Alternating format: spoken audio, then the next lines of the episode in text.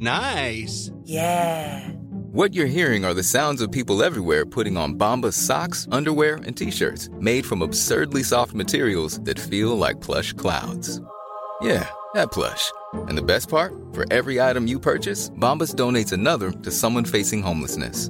Bombas. Big comfort for everyone. Go to bombas.com slash ACAST and use code ACAST for 20% off your first purchase. That's bombas.com slash ACAST. Code ACAST. Ready to pop the question? The jewelers at BlueNile.com have got sparkle down to a science with beautiful lab grown diamonds worthy of your most brilliant moments. Their lab grown diamonds are independently graded and guaranteed identical to natural diamonds, and they're ready to ship to your door. Go to BlueNile.com and use promo code LISTEN to get $50 off your purchase of $500 or more. That's code LISTEN at BlueNile.com for $50 off. BlueNile.com code LISTEN. Du lyssnar på en podd från Mediahouse by RF.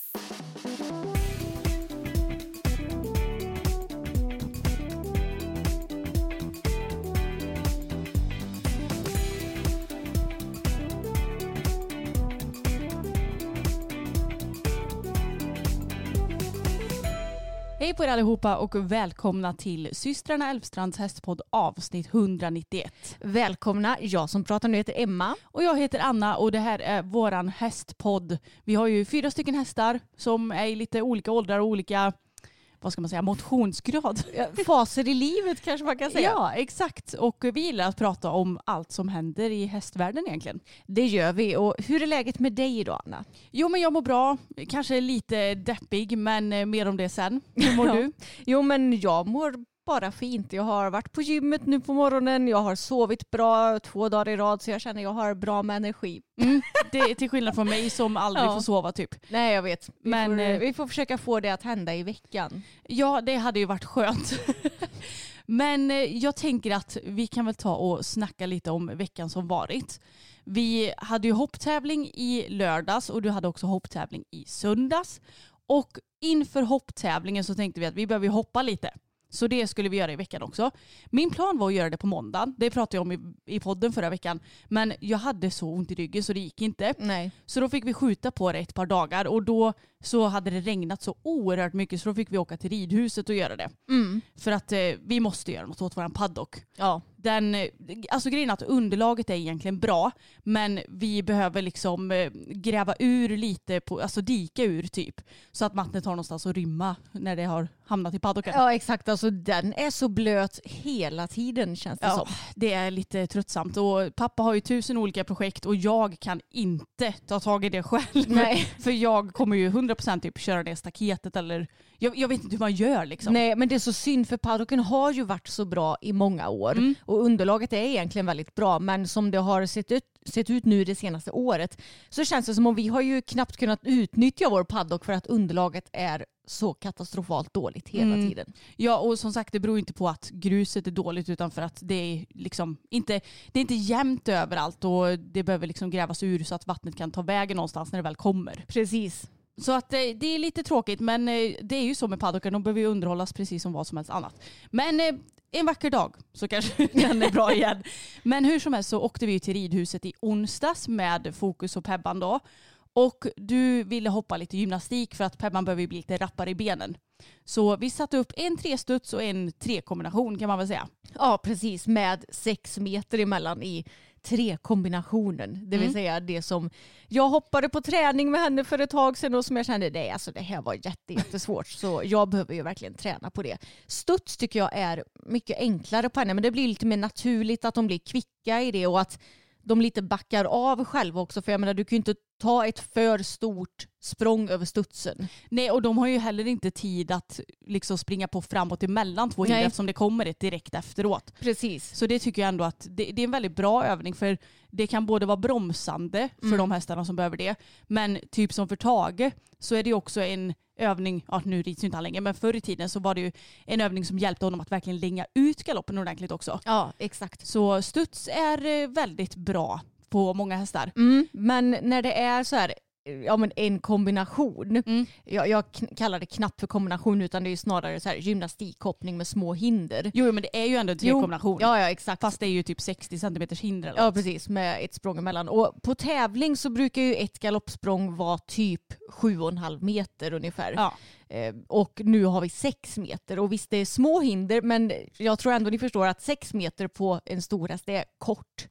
Det är Eh, väldigt kort. Det är väldigt kort men det är också det som Pebban behöver träna på. Och jag får säga att nu när jag har gjort det ja, men kanske ett par gånger hemma efter den här träningen så känns det ändå som om det blir bättre och bättre. Jag tycker att hon känns smidigare, hoppen känns inte lika klumpiga och spända utan ja, men det känns ändå bra. Sen hade jag ju önskat att hon hade kunnat backa av lite mer naturligt och Mm. kanske, alltså grejen med henne är att jag tycker att hon kanske hoppar lite långt över hindren ibland och landar lite långt bakom dem. Om du fattar att språngkurvan är lite för långt bakom hindret. Jag förstår precis vad du menar och det är väl något som vi också kan träna på. Ja, Jag menar, en sak som slog mig som vi faktiskt skulle kunna göra, jag tänkte säga nu i veckan, men då är hoppträning, men nästa vecka kanske då.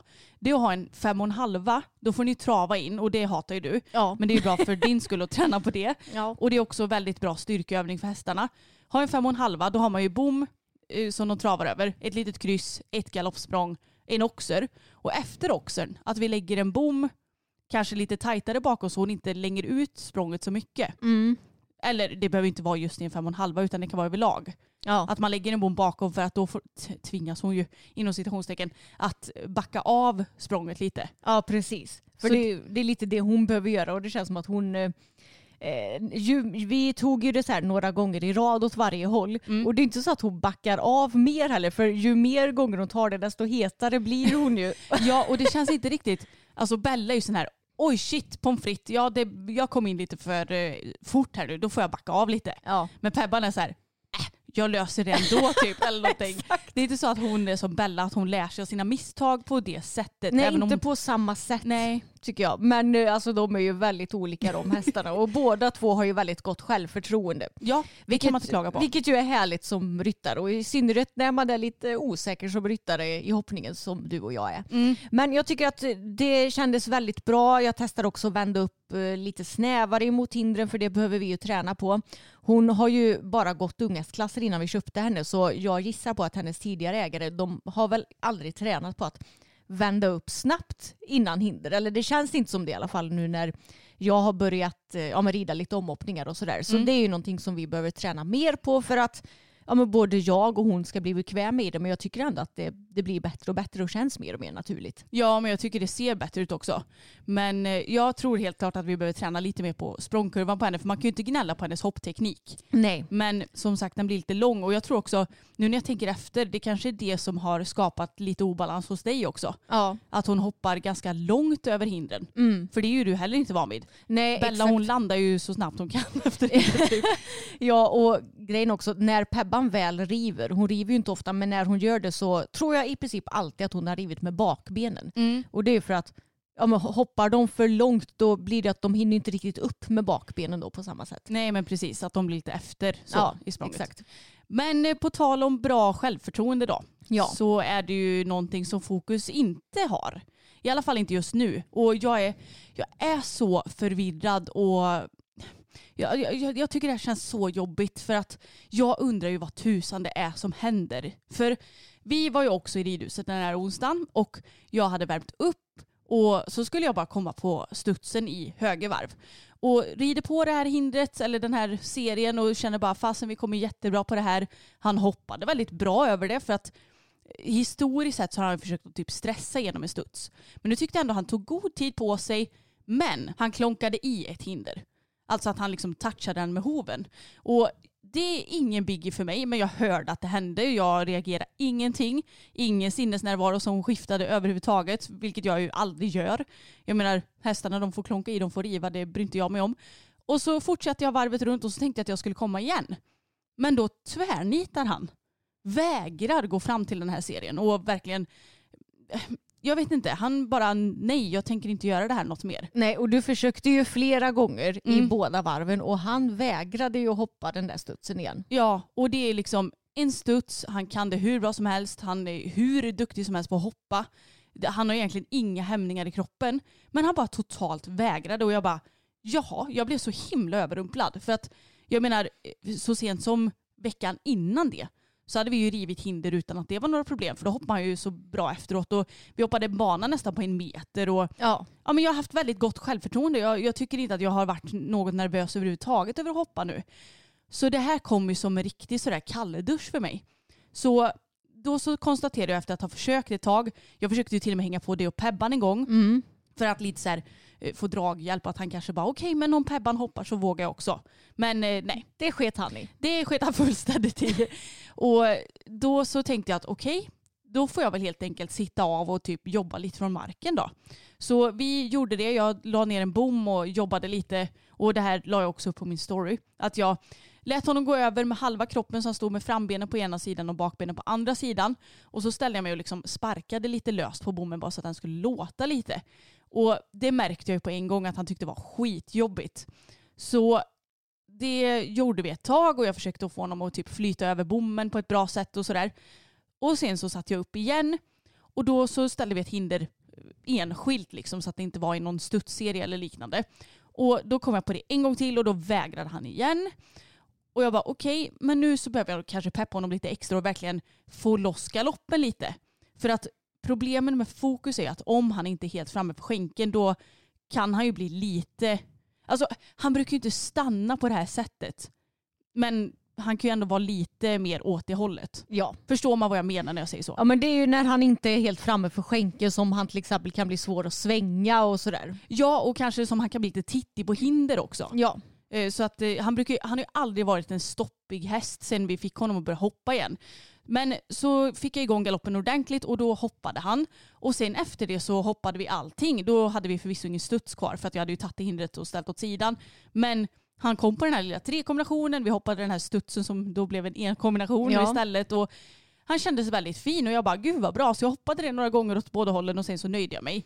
Och det kändes ändå som att då har vi ju kommit loss från det här problemet idag. ja men det syntes att då var han framme för skänken. För Mm. när han är framme för skänken så har du ju inga problem med resten heller. Nej och det gäller ju egentligen typ oavsett vad jag gör. Exakt. Alltså oavsett om det är dressyr, uteritt, hoppning, you name it liksom. Och det är ju hans största problem också. Mm. Och det är också så konstigt för att är han framme på skänken så känns ju allt väldigt lätt.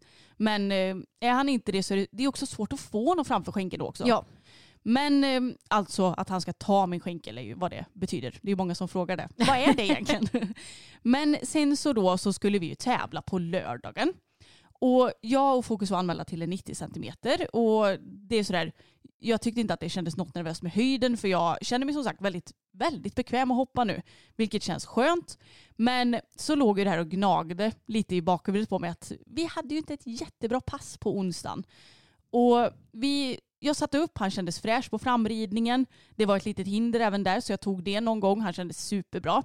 Kom in på framhoppningen och ja, tyvärr så gick jag in lite för tidigt för Ja. de hade i Alingsås en collectingring typ innan framhoppningen där man fick skritta tror jag bara. Mm. Eh, och jag fattade ju som att jag skulle få komma in på framhoppningen. Men då var det ju tydligen ganska många kvar och så, ja, jag vet inte varför jag inte bara gick ut i framridningen igen. Nej. Men jag, jag tror bara att jag bara, "Ja, ja men skitsamma då kan vi pausa lite här och sen så kan vi komma igång igen. Men eh, sen tror jag inte att det är bara det här som, som hade att göra med hur det gick sen i och för sig. Men det hade nog kanske en lite bidragande faktor. Men så kom vi in på framhoppningen och vi hoppade ett litet hinder två gånger, kändes bra. Du höjde upp lite grann va? Mm. Så det var typ 80 centimeter. Ja. Kändes bra. Och så, så tog vi ett hinder på 90 centimeter. Mm. Kändes jättebra. Skulle ta oxen. Och alltså framhoppningen till min klass var ju fasen kaos. Folk var överallt och det ska egentligen vara skritt på spåret men folk skrittade lite hur som helst. Och, eh, dessutom så var svängen till oxen väldigt skarp. ja. Alltså jätteskarp och det är ju verkligen inte optimalt på en framhoppning. Nej och inte heller om man har en häst som kanske dels är lite svår att svänga och som inte är framme för skänken för då vill du gärna få lite flyt i svängen. Precis, och Fokus är ju lite som en ung häst när han är sån här. Att han gärna skjuter ut bogen och inte riktigt eh, kommer ihop sig i svängen. Och då blir det ju att han bromsar i svängen istället för att flyta på. Så första gången jag skulle vända upp också så sa jag ju det till jag bara, åh jävlar det var ju en skarp sväng så då styrde jag inte ens på. Nej. Men sen så kom jag igen och hade lite bättre koll på svängen men då stannade han. Och sen så stannade han en gång till och jag bara okej det här går ju inte. Nej men han gick ju verkligen inte fram överhuvudtaget. Nej, han, han hade ju vägrat på hindret redan i svängen. Liksom. Ja. Och du provade att lägga ner bakbommen, det gick inte det heller. Och jag bara, nej vad fasen är det som händer? Och så provade jag att hoppa räcket istället. Då hade du lagt, eller det var väl någon som hade lagt ner och börjat Mm. hoppa ett litet hinder. Men då stannade han ju till och med på det. När det Ja. var liksom 50 cm högt. Och jag bara, jaha vad fasen ska vi göra nu? Jag bara, du, Ebba du får gå och stryka mig. Och du bara, fast hur ska vi hinna göra det? ja för du skulle starta om typ så här två ja, ekipage. exakt. Så jag bara, ja ja. Men till slut så kom vi över det lilla hindret på framhoppningen och då sa jag att nu skiter vi att hoppa med för nu har han ändå kommit över ett hinder. Och då får det vara så. Sen så kom vi in på banan och jag tyckte att jag märkte liksom en sinnesnärvaro som inte var som sist. För att han, det känns liksom som han smög runt där på banan innan vi skulle starta. Jag gick ändå runt och tittade lite på hindren och miljön och sådär och sen så försökte jag få honom lite igång under tiden som eh, ryttaren innan mig red. Och sen så skulle vi börja rida an första hindret och då så stannade han ju liksom redan i svängen i princip. Jag hade inte Ja. ens kommit igenom startlinjen. Så jag var okej, men då ryggade honom några steg för att, ja men det kan jag göra ibland. För att jag kan bli lite sån här, okej om du väljer att backa av, då ska du få rygga. Alltså lite så. Ja men typ om hästarna krånglar i skogen till exempel. Ja, precis. Då brukar jag ju rygga. Så jag tänkte att ja, men då kan vi rygga några steg så att han eh, lite får göra det som han vill inom citationstecken. Och sen så fattade jag galopp igen och så kom vi an mot första hindret men det var ju bara stopp på det. Så då lät jag honom titta lite och vi tog det lugnt liksom. Och sen så fattade jag galopp och försökte igen men han stannade igen och då kände jag att nej men det är ingen idé. Så då valde jag att utgå efter två försök. Och jag, jag tror ju liksom inte att jag hade gått på ett tredje försök. Nej det hade nog inte varit någon skillnad. Nej, så att jag kände att det är ingen idé att vi gör det här. Och det här är nog faktiskt sjukt nog den första tävlingen i mitt liv som jag inte kommer över ett, ett enda hinder på banan. Ja Tror jag. det kan det säkert Ja, vara. jag är ganska säker på det. Någon gång kanske ändå ska vara den första, jag vet inte. och alltså, det som gör mig så uppgiven är att jag vet ju inte vad det är som har hänt liksom. Nej. Jag, det hade varit så skönt på något, eller nej kanske inte skönt. Men hade vi typ kraschat in i ett hinder, jag hade blivit arg på honom, eh, även fast varför skulle jag blivit det, men ja. Hade det hänt någonting som jag liksom bara, aha, det är det här. Mm. Då hade jag ändå kanske haft ett svar på varför han har blivit som han blivit. Ja men det känns ju som om den där lilla klonken i studsen var typ den utlösande faktorn till det hela. Ja men det är så konstigt för att det är ju liksom inget dramatiskt som har hänt. Nej och han har ju klonkat i hinder förut, han har rivit Gud, ja. förut och det har inte varit några konstigheter. Nej, och jag vet inte riktigt vad det är som för sig går i hans hjärna. Det är ju nu jag önskar att han kunde bara så här Matte det här är fel eller någonting. Ehm, Men det kan han ju inte riktigt på det sättet som jag hade önskat.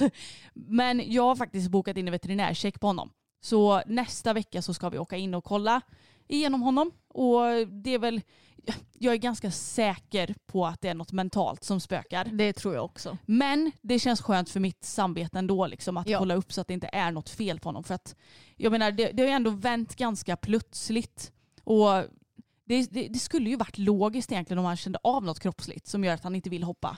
Ja. Men eh, som sagt, jag, jag tror ju inte det. Jag tror att det är mentalt. Han är ju jättefin i ridningen i övrigt just nu tycker jag. Mm. Så det, jag, jag tror att det är någonting, vi får så här backa tillbaks, jobba lite grunder igen och sen komma igen helt enkelt. Ja, så det är ju det här som känns lite jobbigt just nu. Ja, och det som gör att du känner dig lite deppig just nu. Ja, men ehm, alltså, förhoppningsvis kommer vi tillbaka starkare än någonsin. Ja. Men åh, fan alltså.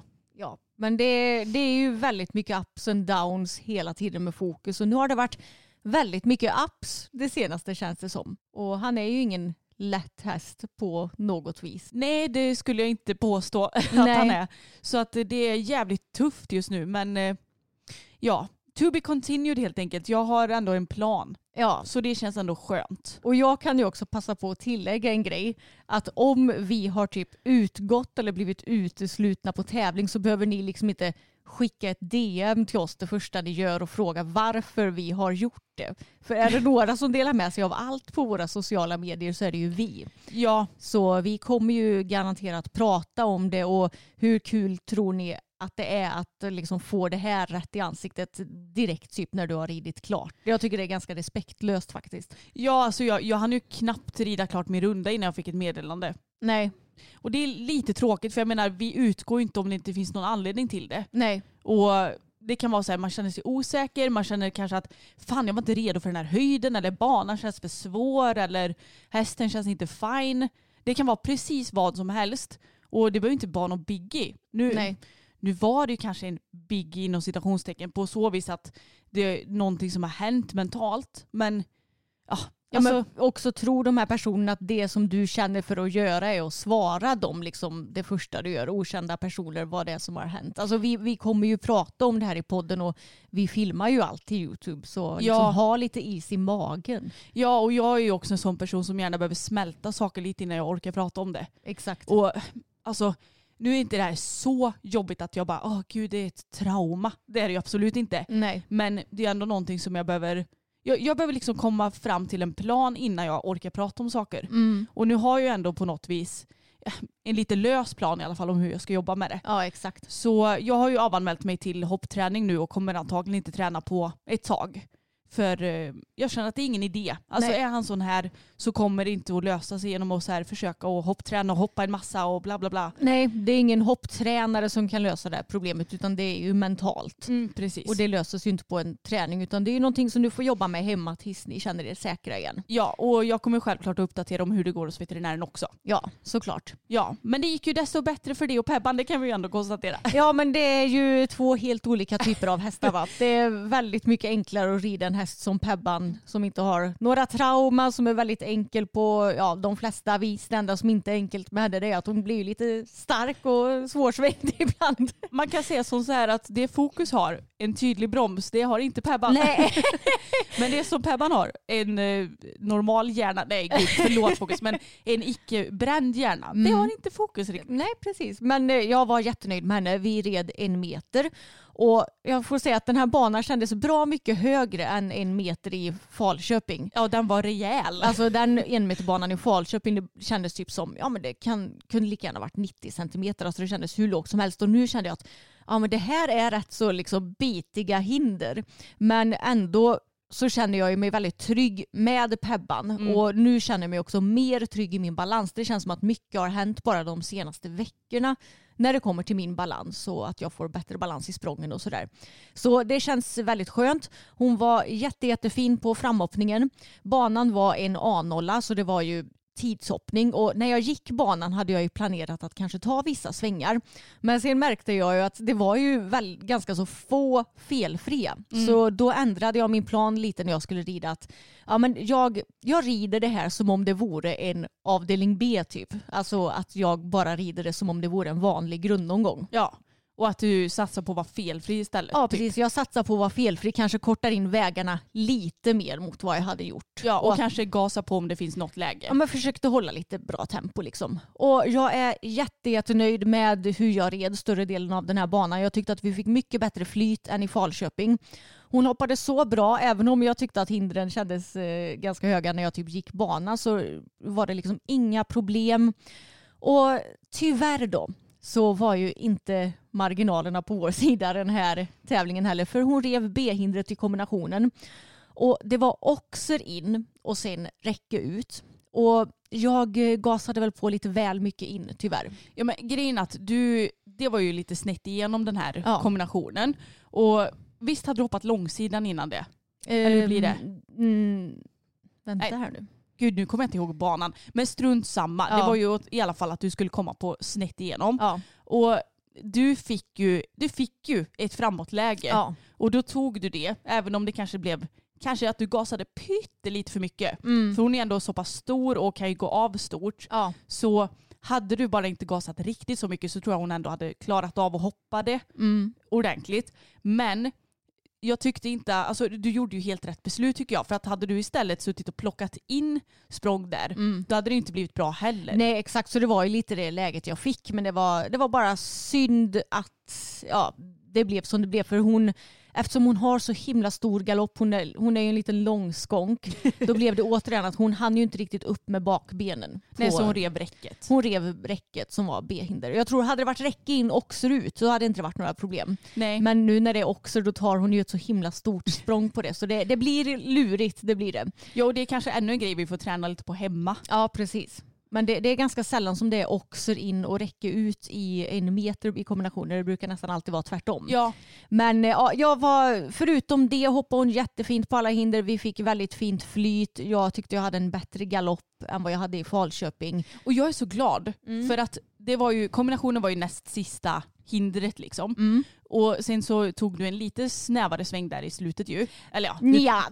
nej, men du tog ju ändå den svängen du hade tänkt. Du Nej. red väl inte runt alltihopa? Jo, det gjorde jag. du det? Ja, det gjorde jag. Men gud varför kommer jag ihåg det som att du snävade? Nej, det gjorde jag ja, inte. men skitsamma. Men det som du gjorde bra det var ju att du ändå gasade på lite till sista hindret. Ja. För att det gjorde du ju. Det var ju det jag var lite så här. ja, jag vet. Sist i Alingsås var det Ja. Som jag bara, men Emma gasa då. Ja, jag vet och nu höll jag verkligen galoppen och det var Ja. ju ändå en sån här maxad också. Ja. Så jag var nej, men alltså, mycket mer nöjd med den här rundan än förra i Falköping trots att vi fick samma resultat. Men det här var lite så här, det- ja, det, det var som det var helt enkelt. Ja och hade bommen legat kvar, visst hade ni hamnat på typ en sjunde eller åttonde Ja, placering? vi hade ju blivit placerade. Ja precis, nu tog jag upp ekip för att kolla här. Hade Mm. du inte rivit så hade du hamnat på en åttonde plats av åtta placerade. Oj då. Så det är ju ändå kul att veta ju. Ja, verkligen. Ni, även om du tog långa svängar eller liksom att du inte tog de svängarna du hade tänkt Mm. så var ni ändå, alltså ni var ändå med i matchen. Ja men exakt så jag var ändå nöjd med det. Det är lustigt hur tävlingshjärnan funkar men för jag var ju mycket mer besviken på efter division 2 i Falköping. Men tror du inte, dels så var ju det en lagtävling. Jo. Då blev du ju besviken. Alltså även laget hade ju redan vunnit innan du hade ridit. Mm. Men dels tror jag det spädde på lite men också så fick du ju en liten, en liten pekpinne på YouTube. Alltså inte på något taskigt sätt utan så här. Men Emma nu får du lägga av. Det är liksom en rivning. Du, du får inte bli så besviken på dig själv. Det, Ja, så ordagrant kanske inte personen skrev. Nej och att hästen har ju varit skadad Ja, i ett exakt. halvår. Så, ja, det, Jag det, tror du fick ett litet uppvaknande om att fyra fel är fortfarande ett bra resultat. det Liksom. är det. och vi känner ju inte varandra än Nej. helt och hållet. Eller det, kom, det kommer ju ta tid för mig att lära känna henne på det sättet som jag känner Bella till exempel. Gud ja. Så kort och gott, jag var nöjd och laddade om till dagen därpå då det var klubbmästerskap i hoppning. På hemmaplan då, en klubbtävling och det gick i 95 cm bedömning A1A. Och det, eftersom det här är liksom mitt uppe i tävlingsterminen så var det ju bara jag och en till tjej som red den här tävlingen. ja. Och det var ju Victoria som också är med i vårt division 2-lag och jag misstänkte ju när jag såg att vi två skulle starta. Dels så trodde jag ju att vi båda skulle vara felfria i grundomgången Jaha. för att vi har ju hästar som är försiktiga av sig och som sällan river. Och sen så tänkte jag också att om vi båda kommer till omhoppning då kommer det bli jämnt. För vi är ungefär lika snabba med våra hästar. Och det kan man ju säga att det blev det. Vi båda var felfria i grundomgången. Pebban kändes jättebra. Jag tyckte att vi fick ett bra flyt eh, på typ alla hinder utom något kanske. Så jag var väldigt nöjd med det och sen var det omhoppning och Vickan hon red först. Och då såg jag ju lite vilka vägar hon red och kunde eh, planera lite grann hur jag måste rida för att slå henne då. Sen så blev det ju inte riktigt så när jag red omhoppningen. För jag hade ju, när jag gick banan hade jag ju planerat exakt hur jag skulle rida. Typ Mm. att jag skulle gå innanför till sista hindret. Men det blev inte riktigt så. Utan i omhoppningen då fick jag till så här, precis så som jag hade tänkt de tre första hindren. Sen så var det ju en distans räckeoxer som det var 21,5 meter emellan. Det vill säga normala fem språng. Men för Pebban så blir det ju korta fem språng. och då fick jag så himla bra framåtläge på räcket in så jag tänkte äh, vi går på fyra språng. Det var så kul för jag bara hoppas Emma gasar nu. För jag såg hur du kom på räcket. Ja. Och så fick du fyra språng och bara yes, hon gjorde som jag tänkte. Ja det var inga problem att Nej. rida på fyra språng där kan jag säga. Men då eftersom jag gasade på så mycket där då kom ju det till konsekvensen att jag hann ju inte ta den svängen som jag hade tänkt till Nej. sista hindret. Utan jag fick gå utanför ett hinder för att rida på sista hindret. Och ju snabbare Pebban går desto starkare blir hon ju och desto svårare blir det att svänga. Då flyger ju den där boken gärna ut. Och det är ju en vågskål. Så här. Ju snabbare du rider desto sämre svängar kan du rida och tvärtom. Så det är så här. Man får försöka hitta den här vågskålen att det ska bli så jämnt och fint som möjligt. Ja. Men Jag lyckades ju slå Vickan med typ 20 hundradelar. Alltså det var så galet jämnt. ja det var väldigt jämnt. Jag, jag var så här, när, när hon hade sagt din tid, eh, Emelie som var speaker, jag bara, jag vet ju inte vem som har vunnit för Nej, jag kommer inte ihåg vad Vickan hade. Jag kommer inte heller ihåg vad. Vickan hade. Men, så, eh, men då var det ju ändå du som hade marginalen på din Ja, sida. jag hade marginalerna på min sida. Det var ju skönt att jag fick ha det på någon tävling för nu har det varit lite stolpe ut två tävlingar i rad. Mm. Och nu var det stolpe in den här gången. Så nu har alla våra hästar, inklusive Boppen som finns i himmelen, Mm. minst en klubbmästartitel. Jajamän. Men Belsan hon är den enda som har två i både dressyr och hoppning. Jajamän. Vi får se. Vi, eh, vi- jag har ju tänkt rida KM i dressyr med Pebban Mm. också. Och, ja, har, har vi tur tänkte jag säga så kanske vi har två tjejer som har klubbmästartitlar i både hoppning och dressyr sen. Då kommer Bella bara, men vad Men tusan. hallå, jag är ju faktiskt stallets stjärna. Exakt. Nej, vi behöver nog träna på eh, ganska så mycket för att kunna vinna det. Just nu är ju dressyren lite kämpig med henne. Ja. Eller så här, det känns bra förutom vänster galopp. Alltså den är helt katastrofal just nu. Ja, men vi ska ju ändå träna för Pia den här veckan så då kanske du får lite Ja, tips om hur du ska det, göra. men det är ju så. Det går upp och ner med Ja. eh, hästarna. Och det är ju också så att när det går upp och ner det är väl då som man utvecklas som mest även om det känns det, det är ju då det känns som tråkigast. Man Ja. vill ju bara sitta och glassa typ. Ja men exakt. Men man kan ju sammanfatta den här veckan som att det har varit mycket upp och ner. Mm, Mm. kan man verkligen säga.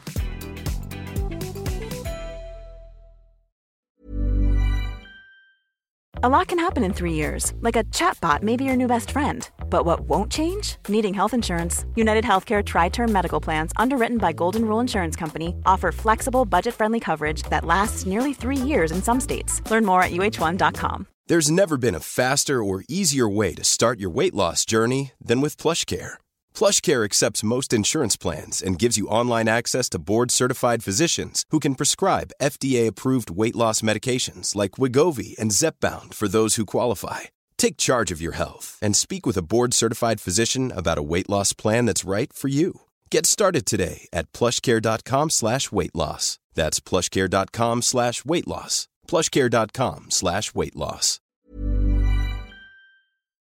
Under KM så var det också PN Jump på ridskolan så jag var ju och hjälpte till hela dagen och det, jag tycker alltid det är kul för även om jag själv kanske ändå föredrar riktiga tävlingar så tycker jag ändå det är bra att ja, men på PN Jump du kan hoppa vilken höjd du vill och jag menar min och fokus första start var ju på Varas eh, PN Jump eller klubbhoppning där vi hoppar 30 centimeter. Ja. Och på tal om det så tänkte jag att jag skulle ta upp en artikel som Hipson har släppt där rubriken är Vill göra flerdagars tävling mer lättillgängligt. Brinner lika mycket för ridning på alla nivåer. Och då handlar det om Runsten Equestrian som vill anordna ett Pay and Meet, vilket är en förlängd version av Pay and Jump. Ah, Så det är som ett meeting fast på Pay and Jump-nivå liksom. vad smart. Ja. Så det står här i artikeln. Hos Runsten Equestrian anordnar man vanlig pay jump som en endagstävling en gång i månaden. Och det är väldigt populärt så därför så vill de liksom utöka detta. Och för att delta vid en pay jump så behövs inte varken licens eller grönt kort. Det kan väl såklart vara olika vad man sätter för regler men ofta så brukar man inte behöva det. Och det är det steget som många tar innan de ger sig ut på riktiga tävlingar. Hos oss ska ekipagen kunna göra allt i lugn och ro utan tidspress, säger Veronica. Vid meetinget kommer det att erbjudas höjder från bomklass upp till 1,30. På anläggningen så finns två ridhus och tre sandbanor. Man har köpt in flera mobila hästboxar och kan ta emot ekipage för boende och uppstallning. Meetinget inkluderar två tävlingsdagar, lördag och söndag, men ryttarna väljer själva om de vill tävla en eller båda dagarna. Eftersom vi vill att det ska vara utbildande för ekipaget så erbjuder vi även möjligheten för ryttarna att boka hjälp av ridinstruktör på plats. Hon kommer ha gemensam bangång för de som vill på lördagen och hjälper gärna till med hur man ska planera sin ridning inför starten. Alla barn har inte föräldrar som kan hjälpa till och då kan det vara skönt att få hjälp av en instruktör på framhoppningen till exempel.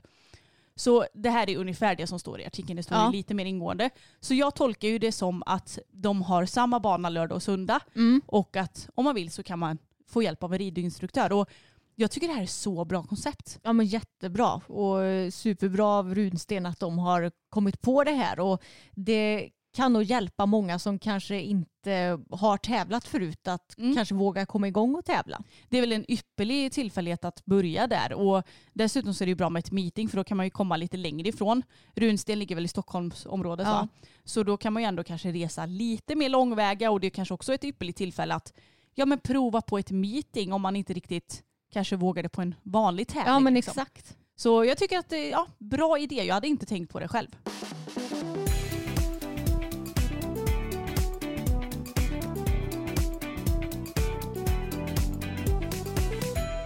Och jag tänkte också att vi skulle ta upp ännu en, det här är en väldigt kort artikel, men nu så har ju älgjakten startat, i alla fall i vårt län. Jag vet inte om det är olika beroende på vart i Sverige man är. Det kan det säkert vara men oavsett så startar den väl ungefär nu kan jag Ja. tänka mig. Precis, så det är ju väldigt viktigt att vi rider med reflexer nu och ja, men att man kanske kollar lite i skogarna där man brukar rida när det ska jagas och att man kan ha en dialog liksom så att det blir bra för alla.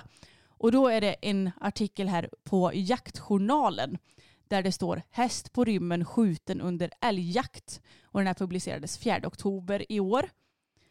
En häst som forcerat stängslet och tagit sig ut i skogen har skjutits av en norsk älgjägare. Jakt och fiske skriver om händelsen som inträffade i inre Troms i slutet av september. En jägare fick syn på hästen i ett område där hans jaktlag tidigare jagat älg. Han misstog hästen för en älg och sköt den. Jägaren som skjutit hästen är förstås jätteförtvivlad och vill gottgöra förlusten av djuret, säger polisöverintendent Katrin Grimnes till Nordlys. Och hon säger till NRK att hästen tagit sig ut från den hage där den placerats av sin ägare. Det pågår en polisutredning som ska visa om jägaren begått något brott. Lagstiftning i Norge anger att jakt ska utföras utan att det uppstår fara för människor, husdjur eller egendom. Och det här är ju helt fruktansvärt. Och jag vet att det har hänt något liknande i Sverige också. Ja, Så därav så bör man ju vara extra försiktig även om här så hade ju inte hästägaren kunnat göra något eftersom hästen hade rymt. Liksom. precis. Och jag tycker också att det är så kul när det nämns att han vill gottgöra för hästägaren för att även om jag fattar att det inte var med mening och att han måste må skitdåligt så är det ändå sådär att du kan ju inte ersätta en häst på det sättet. Nej exakt. Så var försiktiga där ute. Nu har ju älgjakten börjat som sagt och det brukar väl alltid vara som mest eh, Aktivitet. ja, så här i början av säsongen. Ja precis. Vi har fått ett DM Anna. Mm. Och det står out, regler i dressyr. Hade gärna hört era åsikter om detta. Vad jag kan läsa mig fram till i TR kan man inte anses överkvalificerad för en klass och kan därmed starta lägre klasser trots att man har flera vinster i dem då till exempel. I Sverige snackar vi om nu. Mm. I Danmark har man infört en out-regel vilket innebär att om man har haft tre vinster med minst 65 procent i ett program eller placerat sig fem gånger med minst 65 procent i ett program så får man inte längre starta i det lägre programmet. Det vill säga om man har vunnit en lätt C1 tre gånger med 65 procent måste man gå upp till lätt C2. Och om man har placerat sig fem gånger i en lätt C2 och lätt C3 med 65 procent får man per automatik inte starta lätt C1. Förstår du? Ja, jag fattar. Mm. Så frågan är ju vad vi tycker om det här. Men bara en fråga. Om jag har fått placering i lätt B2 så får jag ändå starta lätt B3 till exempel. Ja, Man behöver inte gå upp en hel klass till Nej, ett A exakt. sen. Mm. Utan du måste liksom starta ett högre program bara. Ja, fattar. Eh, alltså, jag är lite tudelad till det här för att jag kan ändå tänka att det finns ju unghästar till exempel som har, eh, ja men som kanske är lite så här, lite nerviga och lite spooky men som ändå får fina procent för att de kanske rör sig bra och utför rörelserna korrekt men ändå behöver träningen. Då är det ju inte så kul att behöva att vara tvingad att klassa upp. Nej. Samtidigt som jag tycker att många gånger så ser man ju kanske så här, samma namn i startlistor och bara jaha, ska den personen rida den här klassen igen och så går den och vinner och man vet redan det innan. Ja.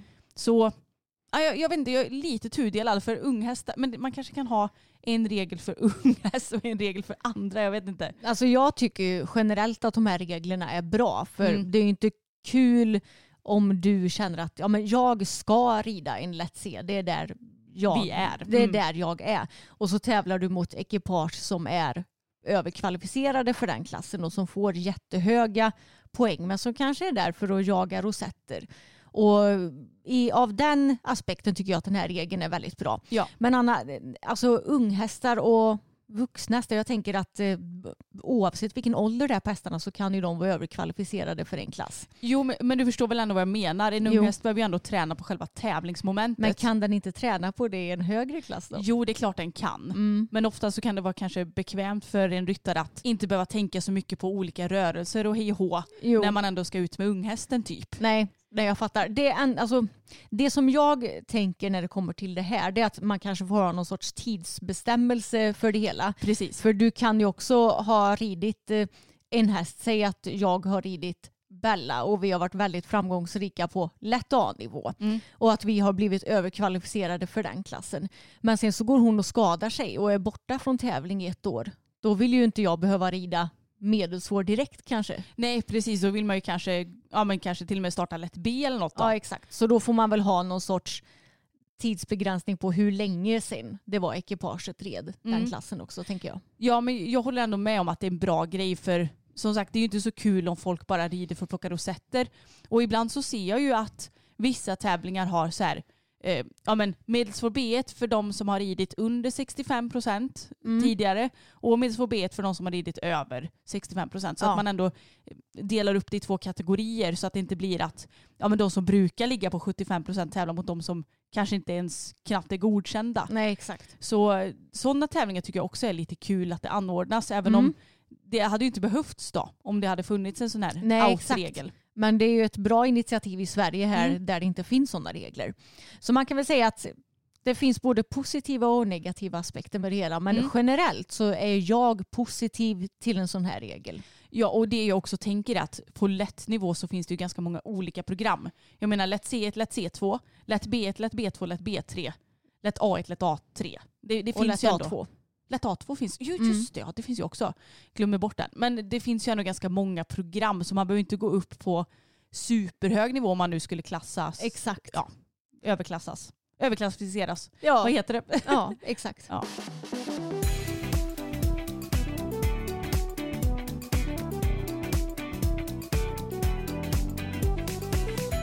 Och jag tänkte läsa upp en artikel som har, eller artikel, det är väl snarare ett typ blogginlägg eller krönika från ponnypappan som har blivit viral i veckan. Och det handlar om en skandal som inte får upprepas. Och jag tänker att jag ska försöka sammanfatta det hela lite grann. Och det är en ponnytävling.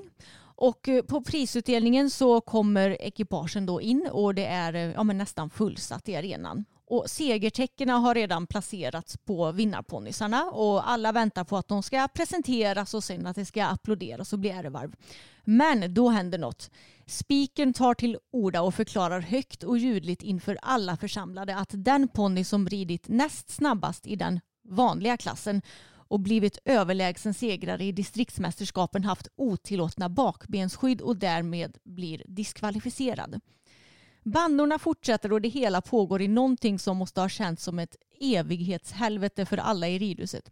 Föremålet för den offentliga uppläxningen, en tioårig flicka som tror att hon vunnit men sen får uppleva ett mentalt trauma som hon lär få bära med sig under resten av hennes liv. Hennes segertäcke tas av och hon lämnar gråtande ridhuset som ett offerlamm. Ärligt talat, jag kan inte ens föreställa mig hur det skulle vara ens som vuxen att uppleva ett sådant skamligt agerande i tävlingssammanhang. Detta är ingenting annat än en skandal av en sån magnitud att vi borde ställa krav på att någonting liknande aldrig mer får inträffa. Det är en rättighet som barn att inte utsättas för någonting som ens liknar det här. Och det som ponnypappan då föreslår att man hade kunnat gjort istället är att uh, ha sagt att vi har fått in ny information om den här klassen som gör att vi måste räkna om resultatet. Vi beklagar detta men om ryttarna vill vara vänliga och lämna ridhuset så återkommer vi om fem minuter med mer information. Och då hade man ju inte behövt ta det här offentligt så att alla ser. Men herregud vad sjukt eller? Ja och det här är ju, jag vet ju vilken situation det, det är som liksom pratas om. Och då är det ju den här tjejen som egentligen vann då, hon hade ju ridit med otillåtna bak, bakbensskydd. Men det är så här, det handlar inte om att hon har ridit med några varierinsskydd eller? Nej, eller nej. teknikskydd vad jag förstått som, utan det har väl typ med mått att göra. Det. Så det handlar inte om att hon har ridit med några skydd som skulle ha gjort att ponnyn har presterat bättre till exempel. Nej, eller skadat ponnyn på något vis heller väl? Exakt. Men det som har skett då det är ju att den som har placerat sig tvåa tror jag det var, mm. har då gått och sagt till överdomaren efter att den här tjejen har ridit och efter då att hon har vunnit istället för att eh, säga det tidigare då. Och jag tycker det är så jäkla... Men vänta nu, så, så det är inte ens överdomaren som har upptäckt detta? Nej. Eller alltså det, det spelar ju egentligen ingen roll vem som upptäcker om något är felaktigt. Då ska man väl givetvis säga till. Jo. Men det ska ju ske i rätt tillfälle kan man Ja tycka. men det här har ju eh, anmälts när man har insett att ja, mitt barn kommer inte vinna. Så Aha. då ska jag eh, sätta alltså, dit det här barnet istället så att mitt barn kan vinna istället. Åh herregud. Och jag tycker det är så jävla dåligt att ser du att någon har på sig någon felaktig utrustning, för det här måste man ju ha sett tidigare då antar jag, då kan du väl säga till när de rider fram, när de hoppar fram så att de har möjlighet att ta av de här skydden då.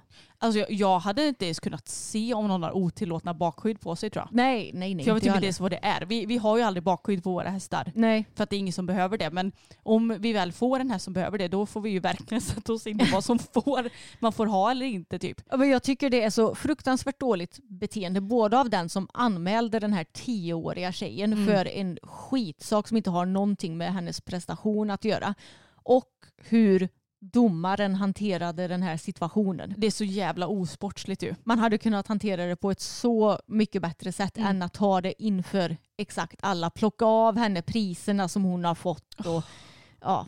Alltså det är så jävla dumt och jag blir så fruktansvärt irriterad när jag läser kommentarer på Facebook också. Att hur kan man säga att det här är ett trauma? Då har man inget perspektiv på någonting. Och, och... Men snälla, vem som helst hade blivit skitledsen och förvirrad. Jag menar man tror ju att man, det är inte så att hon har på de här skydden för att hon tror att det är fel. Nej exakt. Det, och det är ju inte hennes fel heller. Det är ju den som har hennes alltså, gröna kort som ska ha koll på de här reglerna. Men vem fan har koll på exakt alla regler om utrustning i TR? Nej, alltså vem som helst kan ta fel och ta Exakt. misstag. Och då, jag tror inte att, alltså hade det här hänt på en helt vanlig tävling, vi säger att ja, men jag ska hoppa fokus 80 cm och så har jag otillåtna bakbenskydd. Mm. Och så upptäcks det efteråt, då hade väl överdomaren bara, "Ah, ja men ha inte det nästa gång. Nej typ. exakt. Och jag har faktiskt varit med om en sån här grej. Det var Mm. när jag red Tage i någon Let's Se för hundra år sedan när vi var med i division 3.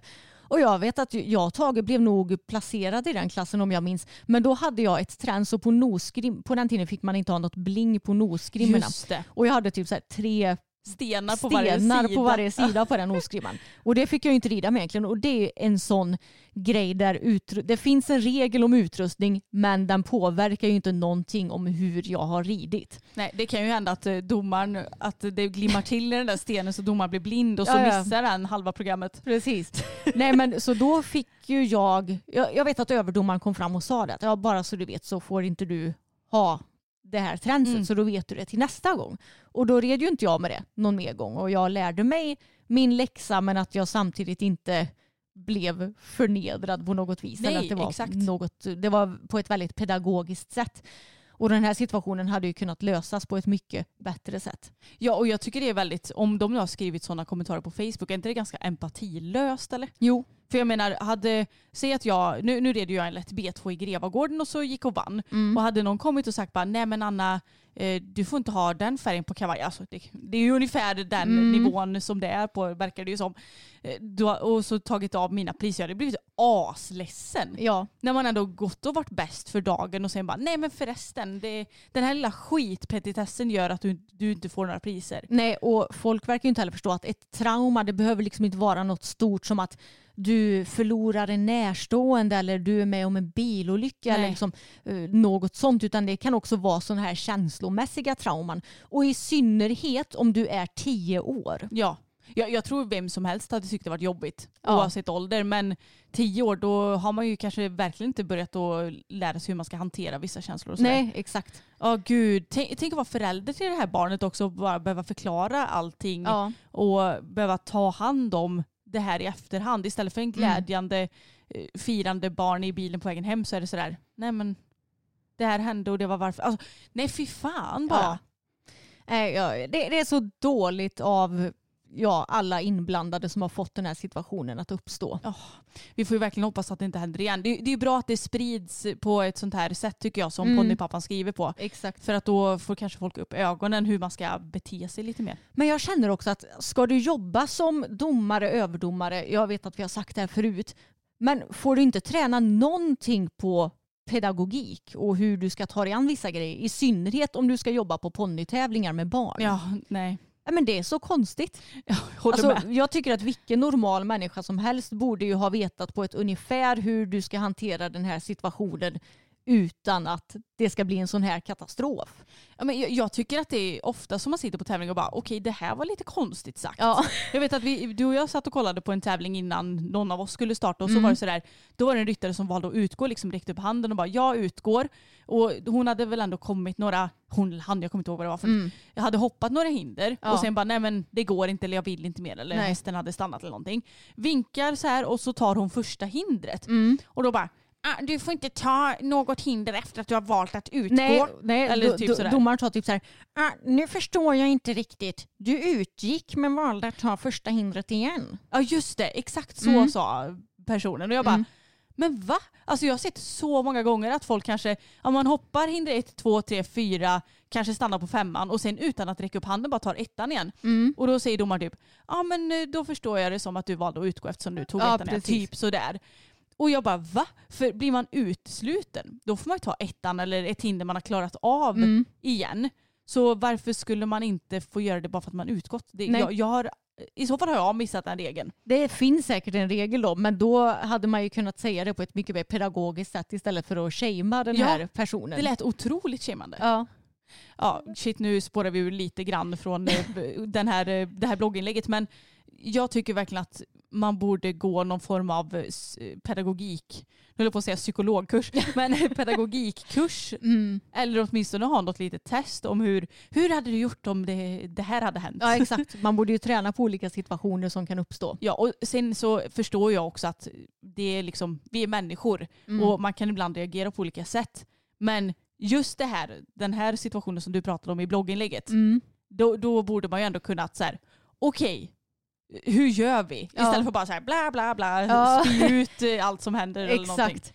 Och vi kan också sammanfatta det som att ifall du ser att någon person har felaktig utrustning på sin häst eller bryter mot, nå- mot någon av TRs regler så kan du utgå ifrån att den personen inte känner till den regeln Ja. och vara snäll att säga till den personen i tid och inte vara en sån jäkla bitter person och eventuellt göra det efteråt om det visar sig att den här personen har gått och presterat bra i klassen bara för att du själv vill få en bättre placering. Det är så, det är så löjligt. Jag känner att jag är den största tävlingsmänniskan i världen känns det som. Men jag vill ju vinna på rätt principer, att jag är bäst. Inte för att någon annan råkar ha något obetydligt, eh, liksom har brutit mot någon obetydlig regel. Nej men exakt, och det hade väl varit samma sak. Säg att du hade legat på nionde placering och Mm. så visar det sig att någon som har, eh, ligger på placering, det, ja, men det har kommit blod på hästen eller någonting. Då hade man ju Mm. fortfarande kanske inte gläds, glädjst, gläds, Glatt. glatt sig. Men gud, Jag jag kan inte prata svenska längre. Eh, glä, nej men gud, Blivit lika glad kan vi säga. Precis, över din placering för då hade du ändå sådär, okej nu har jag kanske inte riktigt ridit mig till placering utan snarare fått en placering för att en hade blod på sin häst. Ja exakt.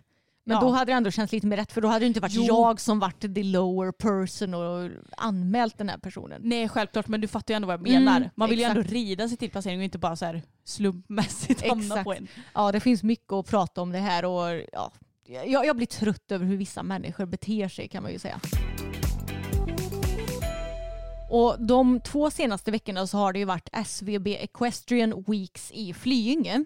Och jag tänkte ta och läsa upp en artikel som heter Stök på läktare upprör på Breeders. Ulrika Jacobs hade två ston med i årets upplaga av Breeders. En fyraåring och en femåring ridna av duttrarna Nicole och Claudia. Den ena är verkligen inte spooky men det kom en man upp för trappan precis när stoet kom emot. Sedan gick hon ju inte ner där. Klart det påverkar. Hon har länge efterlyst en uppstyrning av läktarna på Breeders och jämför med till exempel Skandinavium. När Grand Prix-ryttarna rider får man inte kliva in under pågående ritt och här har vi ingen begränsning. Folk kommer och går, hundar hoppar upp med tassarna. Klart att det påverkar tre och fyraåriga hästar. Jag tycker det är synd. Är det inte bara något som de unga hästarna måste vänja sig vid? Vänja sig, ja, men det ska ju inte bli skrämda. Det ska ju inte bli en dålig upplevelse. Vi pratar så mycket om hästvälfärd och här är vi verkligen på gränsen tycker jag. Då kan folk säga, då ska du väl inte åka? Så kan man välja att se det, men då ska ju ingen åka. Alla hästar kan bli skrämda. Går det att förbereda hästarna? Om inte våra hästar är förberedda så vet jag inte. Vi rider på utebanan på ridskolan med flaggstänger och ungar som springer och hoppar. Jag galopperar runt med flaggor på hästarna. Jag tror inte det går att träna mer inför det här. Inte på unga hästar. Borde arrangören göra några förbättringar? Det borde bara vara en ingång på varje långsida med en funktionär utanför som inte släpper in vid pågående ritt. Dessutom borde den allra nedersta raden stängas av. Det är där det påverkar mest. Man kommer väldigt nära hästarna och så borde hundar lämnas hemma. Och Clara Espinosa hon intervjuas också i den här artikeln. Hur kan man träna hemma för att förbereda sig? Det är svårt att träna på en atmosfär hemma. Det är ju i så fall att åka ut och tävla. Men det är ju inte många platser som är som Flyinge. Jag hade gärna haft en längre banvisning, eller vid två tillfällen. Lappar om lugn på läktaren hade också kunnat vara bra. På Friends har de till exempel läktarvakter. Louise Natorst som är landslagstränare har inte sett något särskilt problem med skrämda hästar under veckan och menar att de måste lära sig hantera olika miljöer. Nu har det varit lite glest på läktarna hittills. Det är bättre att det är mycket publik och ett ständigt sål. Då sticker inte ett ljud ut. Sen kan man tänka på att man inte behöver resa sig just när hästarna skrittar.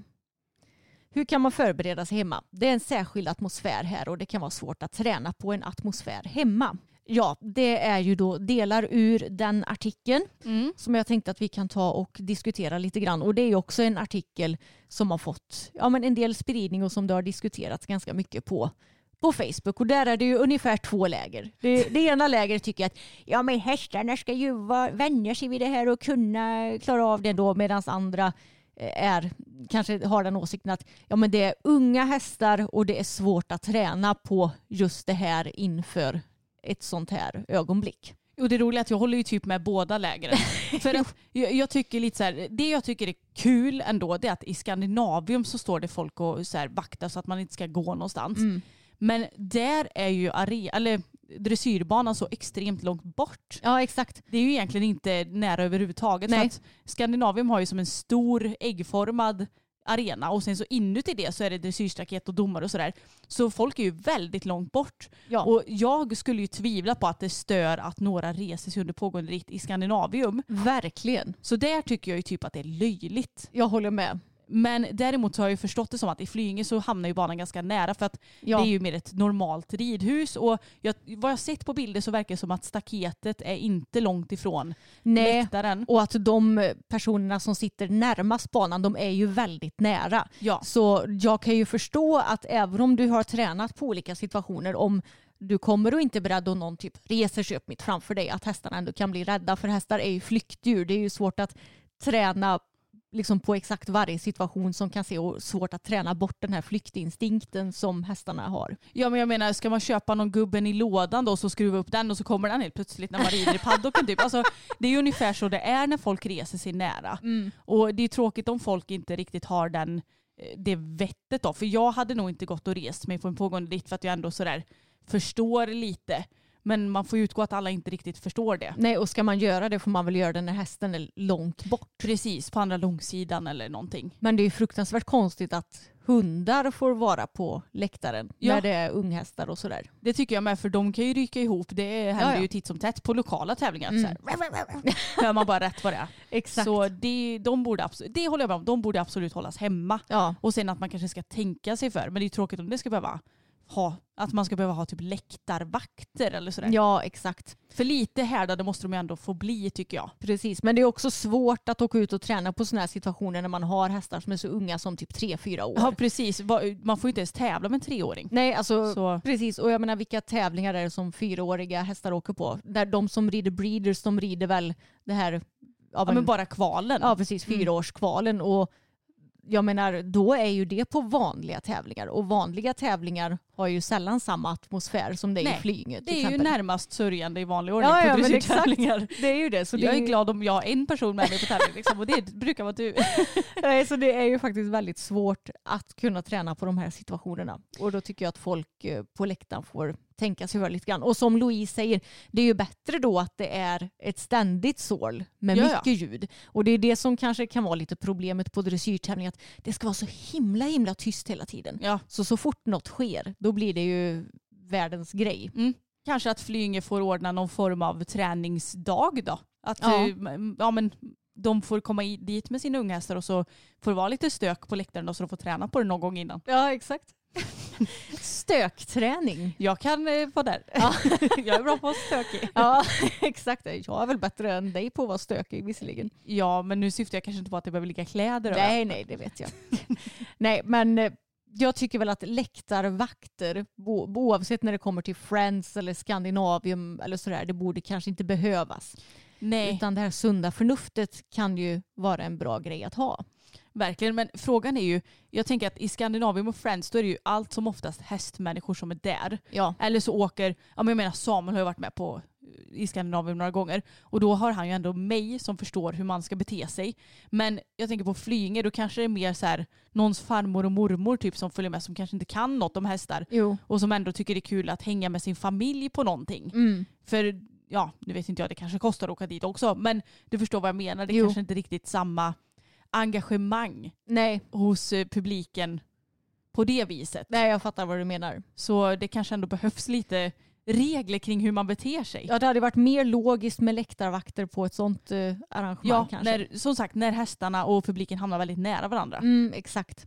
Nej, det är en klurig fråga och jag fattar ju båda lägren. Men jag, jag tror ju också att alltså, de som kommer dit med sina hästar, de kommer inte dit och är helt oförberedda. Nej. Utan de har ju säkerligen tränat på så gott som de kan.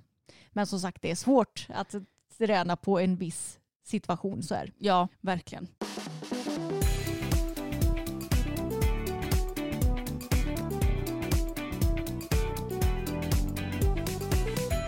Det var det för den här veckan och som sagt jag hoppas att eh, den här veckan blir lite roligare än vad föregående vecka varit för det har varit mycket känslor och mycket förvirring.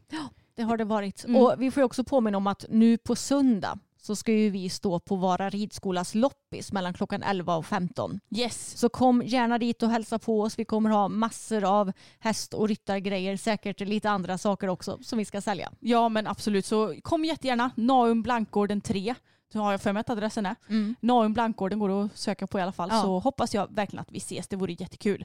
Och för övrigt så ska jag och Fokus Dressyr tävla på lördag också. Det ska ni. Det, ska, det ser jag fram emot. Jag, jag får en tävlingsfri helg. Jag ska bara vara hästskötare. Ja men visst är det skönt ibland. Ja, faktiskt. Så ni får ha det jättebra. Tack för att ni har lyssnat på dagens avsnitt. Alla aktuella länkar och så till vår Instagram och YouTube och allt vad det är finns i beskrivningen. ha det bäst hörni så hörs vi igen nästa vecka. Det gör vi. Hej då! Hej då!